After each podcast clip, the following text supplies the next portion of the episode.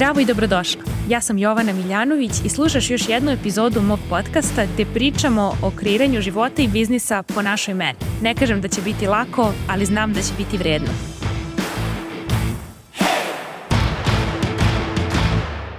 Zdravo i dobrodošli u današnju podcast epizodu. Danas pričamo o mislima koje sabotiraju žene da krenu gde da krenu, šta da krenu, pa bilo šta, bilo da je biznis baza, bilo da je teretana ili organizacija prvog samostalnog putovanja, ovo su misli koje ja najčešće čujem. Gde ih čujem?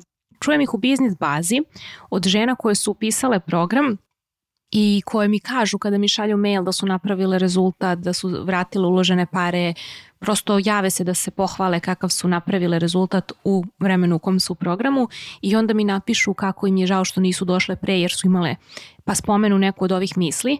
A drugi način na koji dolazim do ovih e, misli je tako što, na primjer, kada se neko prijavi za biznis bazu, mi mu odmah pošaljemo u roku 24 sata da li je dobar fit ili ne. I ako osoba ne odgovori na taj mail, nakon 3 dana mi proverimo pošaljemo follow-up email da li ste primili naš prethodni mail.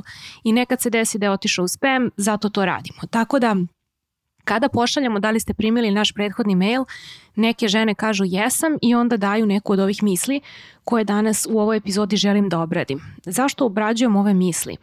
Zato što mislim da nikom ne može da škodi veći nivo svesnosti o stvarnom problemu iza nekog umišljenog problema koji mi mislimo da je problem.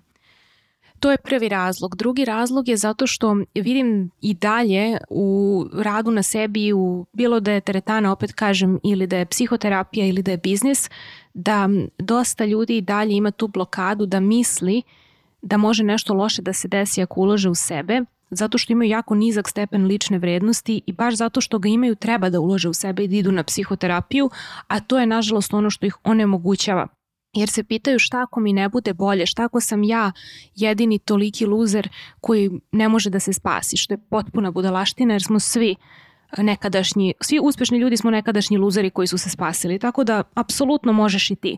I najgore što može da se desi je da uplatiš psihoterapiju ili teretanu ili program i da shvatiš šta znaš, šta ne znaš i gde si još šupalj ili šuplja, a ne može da bude opcija da upišeš i da ostane na istom. Zato mislim da ljudi ne kapiraju da je najgori rizik da ne uradiš ništa i da ostaneš tu gde jesi, jer je to zapravo najgori scenario, a sve ostalo je bolje nego ovo gde si sad. Tako da, bilo koja druga opcija u odnosu na ovo gde si sad, gde si išta u toj opciji naučila o sebi, osvestila o sebi je level up u odnosu na trenutnu poziciju. I to je ono o čemu dosta ljudi ne razmišlja, razmišlja o tim nekim sitnim parama koje će da izgubi, kakve god one bile, 10 evra, 1000 evra, šta je za koga sitno, a ne razmišljaju o tome šta gube ako ostanu tu gde jesu. I to ih najviše u životu košta. Tako da hajde da pređemo na misli, možda od ovoga nastane i serijal, vidjet ćemo, imam puno tih misli, pa da li će sve stati u jednu epizodu, hajde da otkrijemo. Krećemo od misli koje je česta, posebno za žene, i kaže ovako – ne bih htela da uđem u program, a da nisam u mogućnosti da dam svoj maksimum. Iz ove misli stoji socijalizacija i kulturni narativ da žene treba da daju uvek svoj maksimum u svemu i da kod kuće treba da uvek sve bude čisto oprano, oribano, hrana skuvana, dete podojeno, muževa garderoba totalno spremna i da praktično one su kod kuće full time majka, full time žena, full time kuće paziteljka, dok na primjer muškarac koji ide i radi u firmi, dođe i vrati se kući i čeka ga i hrana i oprana i opeglana garderoba, a ista ta žena pati od toga da čeka savršene okolnosti za sebe u životu, jer dok daje svoj maksimum u svemu, za nju ne ostane ništa. To ne znači da ja mislim da žena ne treba da da svoj maksimum u nečemu, apsolutno treba u nečemu što je ona izabrala. Ali živeći u laži da je uopšte moguće davati maksimum u svemu može samo da te dovede u bolest, u frustraciju, burnout i svađu sa partnerom. Takođe ono što apsolutno ti ne ide na ruku je da ako imaš žensko dete, učiš dete kroz svoj primer da bude neko ko će sutra da stavlja sebe na poslednje mesto i da bude sebi poslednja rupa na svirali i učiš je da ako ne može da da svoj maksimum ne treba ni da se pojavi. I to je nešto na što sam ja alergična i to je nešto zbog čega gomila žena ima kompleks da izađe iz stana ako nisu našminkane, ako nisu sređene ni da bace smeće jer ne daj Bože da ih neko vidi a da vidi da nisu dale zamisli svoj maksimum. Uuu, scary. E, to mene užasava, to me jako užasava kako su žene popile taj narativ, onako kao jedan koktelčić otrovčić i onda same imaju unutra u svom mozgu sada tog otrovnog čovečuljka koji im priča te gadosti, nisi dala dovoljno od sebe, ajde, mrdni se, nije dovoljno, daj svoj maksimum, gadim se toga, odvratno je. I još je odvratnije što ajde što to priča celo društvo nego što žene to sad rade sebi. I onda ispadne da treba da čekamo da ova žena koja je to napisala, koju ne poznajem, ne znam ni koliko ima godina, ali treba da čekamo da ona ima 40, 50, 60, da odškoluje dete da se razvede i da onda konačno upiše neki pišljivi program od 1000 evra zato što je konačno našla vreme za sebe i konačno su savršene okolnosti, a ne da nisu savršene, nego je u stvari tada tek shvatila da je ona ljudsko biće i da ima svoje potrebe, kada više ne mora da ispunjava tuđe i kada deca imaju svoje živote i kada više ne mora da pere pegla čisti i sve ostalo za sve njih, tek tada je u fazonu, u, vidi, postojim i ja, jer ja beš imam neke potrebe, ček da vidim. E, to je ono što je strašno. I to je ono što ja ne želim da ni jedna žena doživi i to je ono što ja ne želim da posebno ni jedna mlada devojka e, popije taj narativ, a kako ga popiju tako što vide kod svojih majki koje ste vi koje ovo slušate. Tako da molim vas izbite iz glave da dajete svoj maksimum u svemu, jer i ako mislite da je to vaš maksimum, onda zaista ste tek u krivu, same sebi smeštate i same sebe pravite u žrtvu nečega što ste sami izmislile. To što to društvo priča ne znači da to mora da bude vaš izbor. Tako da cela ta ideja nisi dovoljno dobra da se pojaviš ako nisi dala svoj maksimum, ne samo da je lažna nego i toksična, jer traži od tebe da budeš nešto što nisi i što niko drugi primetit ćeš nije. Jer ne postoji ni jedan atleta svetski poznati koji daje svoj maksimum u bilo čemu sem u tom sportu. Ne postoji ni jedna uh, plesačica ili klizačica koja je u fazonu da, bit ću najbolja i najposvećenija majka, a imaću i olimpijsku medalju. To ne ide zajedno. Ne postoji balansiranje. Postoji sad sam full prisutna s detetom i sad sam full prisutna na treningu. To postoji. Tako da ova laž je opasna. I ono što mene uvek tu takođe uznemiri je kad krenemo da otkopavamo šta žena zapravo misli kad to kaže, Na primjer, ja ih često pitam kome da daš svoj maksimum, čemu, zašto, zašto zime Boga da daš svoj maksimum? I onda shvatiš da ona ne zna ni zašto to radi, da je otprilike tako popila taj koktelčić kod kuće i sad ponavlja, živi kao onaj hrčak u onom krugu, živi istu realnost i prenosi to na sledeću generaciju. I uvek se ovde seti mog primera 2017. nakon što sam slomila sakralnu kost imala operaciju tumora i vađenje desnog jajnika i tumora, sve u istoj godini onako u šest meseci razlike, kako sam posle toga polako krenula u teretanu na oporavak povrede koje sam imala i koliko je to išlo sporo i koliko nikad ne bih sebi rekla daj svoj maksimum. Nisam budala da dam svoj maksimum i da se povredim. Daću onoliko koliko mogu tog dana i uvek će biti dovoljno. I ovo je isti razlog zašto ljudi koji imaju ovu priču, ova žena nije u biznis bazi, mislim logično nije upisala jer zna da nije to za nju, da nije spremna da radi na taj način i da primenjuje. Ali zašto je ovo bitno? Zato što ljudi moji, ako govorite sebi budalaštine takve, vi nećete nikada izgraditi biznis. Ne možete vi davati vaš maksimum svaki dan. Vi možete svaki dan dati onoliko koliko možete, sa verom da je uvek dovoljno. Koliko imam da dam, sada je dovoljno. Kakvi su uslovi trenutni je dovoljno. Da sam ja čekala da prođe godinu dana od operacije da krenem da treniram, definitivno ne bih imala tako brzo poravak imala bi ko zna kakve bolove da nisam krenula polako, šest meseci nakon operacije, mic po mic da se vraćam u formu. Tako da umesto te misli dajem svoj maksimum i kao onda si kao vidi kakav sam car, dajem svoj maksimum, a u stvari se raspadaš i nemate u tvom životu, ja ti predlažem alternativnu misao moju u koju ja verujem i koju živim i zahvaljujući koju sam zaradila preko milion evra od svog biznisa bez reklama, a misao kaže dajem uvek onoliko koliko mogu jer je to uvek dovoljno. I to nekad znači da šest meseci si dala nula jer si tada imala tumor i bila u bolnici i to je bilo dovoljno. Dala si nula za svoj biznis, bilo je dovoljno. A onda si ozdravila, vratila se i daješ 2%, pa 10%, pa gradiš kapacitet. To je ono što je mnogo važno. I opet ponavljam, ovo mislim da je zvezdica za vas koji imate žensku decu, da ih učite i da ih naučite da je jedino gde daju svoj maksimum u onome što je njihova životna svrha i ništa drugo. Za sve ostalo pravilo dovoljno dobro je odlično, završeno je bolje nego savršeno, proći će u životu vrlo dobro ako pristupe na taj način. Jer dok ti namiriš kurtu i murtu i svoje i njegove i sve živo, pa onda za nagradu sebi pokloniš neki program ili teretanu i daš sebi šansu da izgradiš telo ili zdravlje ili biznis kakav želiš, samo ako su svi drugi namireni pre tebe, Nažalost, ono što se iz mog iskustva od 2016. desi s takvim ženama je da umru od raka. Eto, to se desi. Tako da prestani da zaslužuješ ljubav i prestani da čekaš nagradu, samo donesi odluku šta želiš i uzmi nagradu sama. Druga misao koja je takođe jako interesantna kaže ovako – Nisam sigurna da li je biznis baza za mene ili je za mene ipak program gde ću imati više individualnih sati i susreta s mentorom jer ja mislim da mi to treba. Ne znam da li je ova grupa prevelika za mene, iako verujem u moć grupe i sama sam iskusila koliko ona vredi. Ovde imamo ponovu situaciju da se osoba zarobi u tom hrčak krugu i da ide kao ona životinjica u krug i ne dozvoljavajući sebi da se isčupa. Ono što ja osetim u telu kad pročitam ovakvo pitanje je sledeće. Da osoba koja ovo piše je zarobljena u šablonu i da je priča, uslovno rečeno priča njenog života skripta po kojoj živi jedna od skripta, nisam sigurna. I zato je potrebna sigurnost mentora da je nahrani kada je u emotivnoj gladi i zato ima strah da se pridruži grupnom programu jer kako za Boga ova Jovana može da me nahrani kad ima preko 100 ljudi u biznis bazi.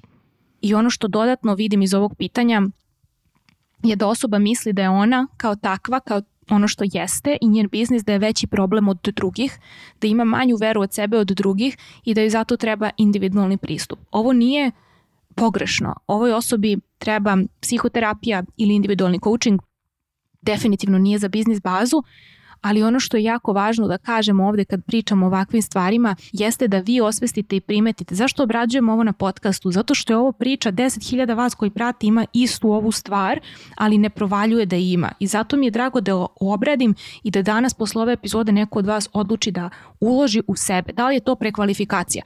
Da li je to kurs šminkanja, teretana, biznis baza, zabole me uvo iskreno rečeno. Samo nemojte da živite u zabludi i da verujete u ove glupave rečenice koje vrtite po glavi, koje vas drže u šaci, zarobljene kao neke hrčke na koturu.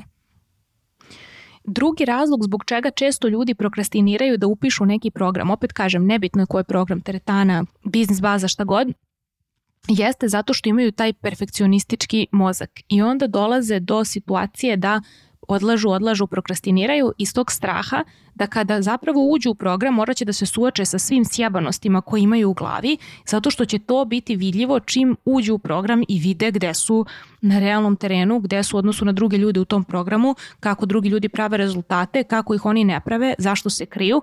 I sve te stvari su stvari na koje naš nervni sistem vrlo mudro zapravo pokušava da nas zaštiti od nas samih, od toga da se suočimo sa svim tim stvarima zato što verujemo da nemamo kapacitet da ih preradimo. I nekada nemamo i zato je dobra odluka nekada ne uložiti u biznis bazu nego uložiti u psihoterapiju.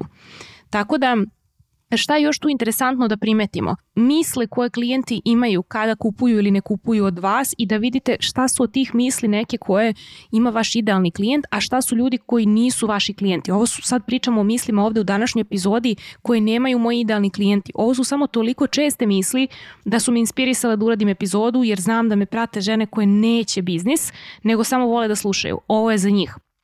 A i za vas koji imate biznis, ovo je super epizoda da vidite kakve ljude zapravo ne želite da primite u program, zato što ako dođu u program neće napraviti rezultat, jer je vaš program sledeći neki korak. Prvi korak mora da se pređe. Ne može da se preskače u biznisu ni u životu koraci. Kako znamo da broj članova grupe nije stvarni razlog što cura sebi ne daje dozvolu da se pridruži programu ili da donese odluku? Znamo to tako što ako pođemo od toga da u mastermindu koji je 6000 za 6 meseci ima 20 žena i da i u tih dva sata nedeljno koliko radimo coaching na mastermindu sigurno ne bi bilo prozvano više od 5-6 žena, a onda na biznis bazi gde je nas preko 100 opet neće biti prozvano više od 5-6 žena po sastanku, znači njoj se isto vata. I postoji dobar razlog zašto ona zapravo veruje u to da joj treba jedan na jedan. Međutim, da ona stvarno zna da joj treba jedan na jedan, ona bi to uzela. Ali ona se prijavila na biznis bazu. I to je ono što ja kažem šta vi radite sebi. Trošite životnu energiju i kljucate sebe u mozak. Znači nisi izabrala da uđeš u jedan na jedan, izabrala se da se prijaviš za biznis bazu, onda pošaljaš ovaj mail gde potvrdiš i sebi i meni da nisi za biznis bazu. I šta nam to govori? To nam govori da ti treba podrška da naučiš da doneseš odluke i staješ iza njih i najbolji način da to pronađeš je razgovor sa psihoterapeutom ili coachem koji će da ti pomogne da osvestiš koje to misli voze tvoj život i šta je stvarno tvoja, šta si pozajmila od nekog drugog i koji tip zapravo rada tebi treba i koji tip programa može tebi da pomogne. Sledeće pitanje je takođe pitanje koje onako ima taj perfekcionistički vibe i njega sam toliko obrađivala čak i ranije u newsletterima zato što vidim da je ovo nešto što žene apsolutno ubija. Pitanje glasi kako da znam da li da uđem u program ako nisam još uvek poslušala sve tvoje besplatne sadržaje? To mi je pitanje bukvalno ubitačno zato što ne mogu uopšte da shvatim odakle dođe ta misao, to je kao da ja kažem ne mogu da idem u teretanu dok ne naučim sve besplatne treninge koje sam videla na YouTube-u kod tog trenera. Znači, potpuno nema veze s mozgom jedno i drugo. Znači, jedno je gledaš vežbe i radiš možda sama, nepravilno kući, mlatiš gluposti, gubiš vreme, rizikuješ šansu za povredu, a ovako daš čoveku pare i on te ispravlja i radiš pravilno i napraviš rezultat. Znači, bukvalno babe i žabe. I ono što hoću ovde da naglasim jeste što je glavni problem broj 1 sa konzumiranjem nečijeg besplatnog sadržaja, bilo da je trening fizički ili mentalni, taj što se ne obavezuješ nikome na primenu i nemaš povratnu informaciju na to šta si zapravo razumela. Jer ljudi misle da su razumeli ako slušaju podcast, a onda ja vidim na, u realnosti oni to niti primenjuju, niti imaju blage veze šta su oni razumeli. Razumeli su na nivou svoje trenutne svesnosti, a nivo njihove trenutne svesnosti je onaj gde su oni u poslu. Znači ako nisu u poslu gde sam ja, oni ne mogu da me čuju mogu da me čuju do nekle, ali do tog nivoa gde su oni. I zato ljudi kažu kad rade sa mnom duže da istu stvar slušaju od pre tri godine i da čuju potpuno revolucionarne informacije koje to tad nisu mogli uopšte da dobace da čuju. Znači istu epizodu slušaju, čuju druge stvari. Kako je to moguće? Tako što su zapravo bili tu godinama, radili su sa mnom i obavezali su se na primjenu kad su mi dali pare. I samim tim su imali povratnu informaciju na Zoomu, na to šta su razumeli, šta nisu i prestali su da žive u zabludi da im je nešto jasno, dok u realnosti nemaju blage veze ni šta su čuli, ni kako to da primene. Drugi problem sa besplatnim sadržajem i konzumiranjem istog je upravo to što ga ti konzumiraš kao početnik. Znači, bilo da je fizički trening koji gledaš na YouTube-u, ti nisi ekspert u tome i ti onda istražuješ nešto bez konteksta. Vadiš informacije na neki način koji ti opet na trenutnom nivou svesnosti to čuješ i razumeš i dolaziš u tu situaciju da nešto interpretiraš potpuno drugačije od onoga što je stvarno tu rečeno. I šta se onda desi? Onda ljudi gledaju vežbe online, rade, ispovređuju se ili slušaju neke biznis savete od nas 15 ili nas 20 i naprave totalni ono kupus u svom biznisu, ništa ne liči ni na šta rade po ceo dan i onda se pitaju pa kako ja nemam rezultate, ja primenjujem sve što su ovi rekli. Pa niti primenjuješ sve što smo rekli jer nema šanse da si nas čuo na osnovu samo besplatnog sadržaja. Drugo, ako primenjuješ, ne primenjuješ na način i na nivou na kom mi primenjujemo i treće, ako slušaš više od jedne osobe, onda definitivno definitivno ne primenjuješ to kao što to radi jedna osoba koju bi slušao, da imaš jednog biznis mentora. Tako da većina ljudi koji ovo rade nikada zapravo ne izgrade uspešan biznis, samo se igraju posla i pune svoj dan aktivnostima koje njima deluju kao ono biznis aktivnosti, građenje biznisa, u stvari u realnom životu mi koji stvarno imamo biznis ne radimo ništa. Tako i da pogledaš naš i njihov kalendar, to su babe i žabe najveći problem taj kada ljudi istražuju nekoliko biznis mentora, nekoliko različitih šta god fitness rutina jeste taj što gomile informacija pune glavu, nemaju način da iskustveno to prođu i da vide gde su i da se izmere u smislu da se izmere bilo da u teretani ili online, koliko ispravno nešto rade, na koji način to rade, koliko je kvalitetno to nešto što rade I onda često dođu u taj neki mod guske u magli gde se nađu u nekom moru kontradiktornih informacija za njih i onda oni ne mogu da procene jer nemaju kapacitet i nemaju svesnost tu gde su da li je ta informacija shit ili legit. i to ih ubije. I onda to apsolutno ne možemo da zovemo istraživanje. Znate ko istražuje? Ljudi koji su na doktoratu, koji su sposobni i naučeni, obučeni kako se istražuje. Mi ostali koji nismo, mi nismo istraživači. Mi samo šmekerski odlažemo akciju kada to radimo. A posebno ljudi koji su skloni perfekcionizmu, čime se bavi moja klijentkinja s Mastermind Dana Sokolović, oni umeju da koriste istraživanje kao odbrambeni mehanizam, da izbegnu da se suoče sa strahom od izlaganja i da nikad ne krenu, nego samo još jedan kurs da čuju, vide, završe, da nauče još jednu stvar. I na taj način to istraživanje zapravo počinje da ih onemogućava da krenu, jer stalno prolongiraju da donesu odluku i žele da se osjećaju da su sve uradili za peticu kao u školi i to ih ubije u biznisu. Jer u biznisu važe druga pravila i ti možeš tri godine nešto da istražuješ zašto bi dobila odgovor u roku od tri sata da si se bacila u vatru i testirala na terenu. I način na koji možeš da proceniš da li ti lično koristiš istraživanje online i učenje od različitih eksperata za sebe ili protiv sebe je da primetiš kakav imaš rezultat nakon slušanja ovog mog podcasta ili bilo kog drugog ili gledanja nečijeg trening YouTube videa. Da li ima željene rezultate? Ako nemaš, onda uglavnom verovatno su velike šanse da koristiš istraživanje protiv sebe kao jednu zabavnu prokrastinaciju i što ja to kažem edukativni Netflix. Da li je istraživanje stvarno neophodno? Dalje, ili je za tebe to postalo samo beg od bacanja u akciju, to možeš da znaš samo ti i niko drugi.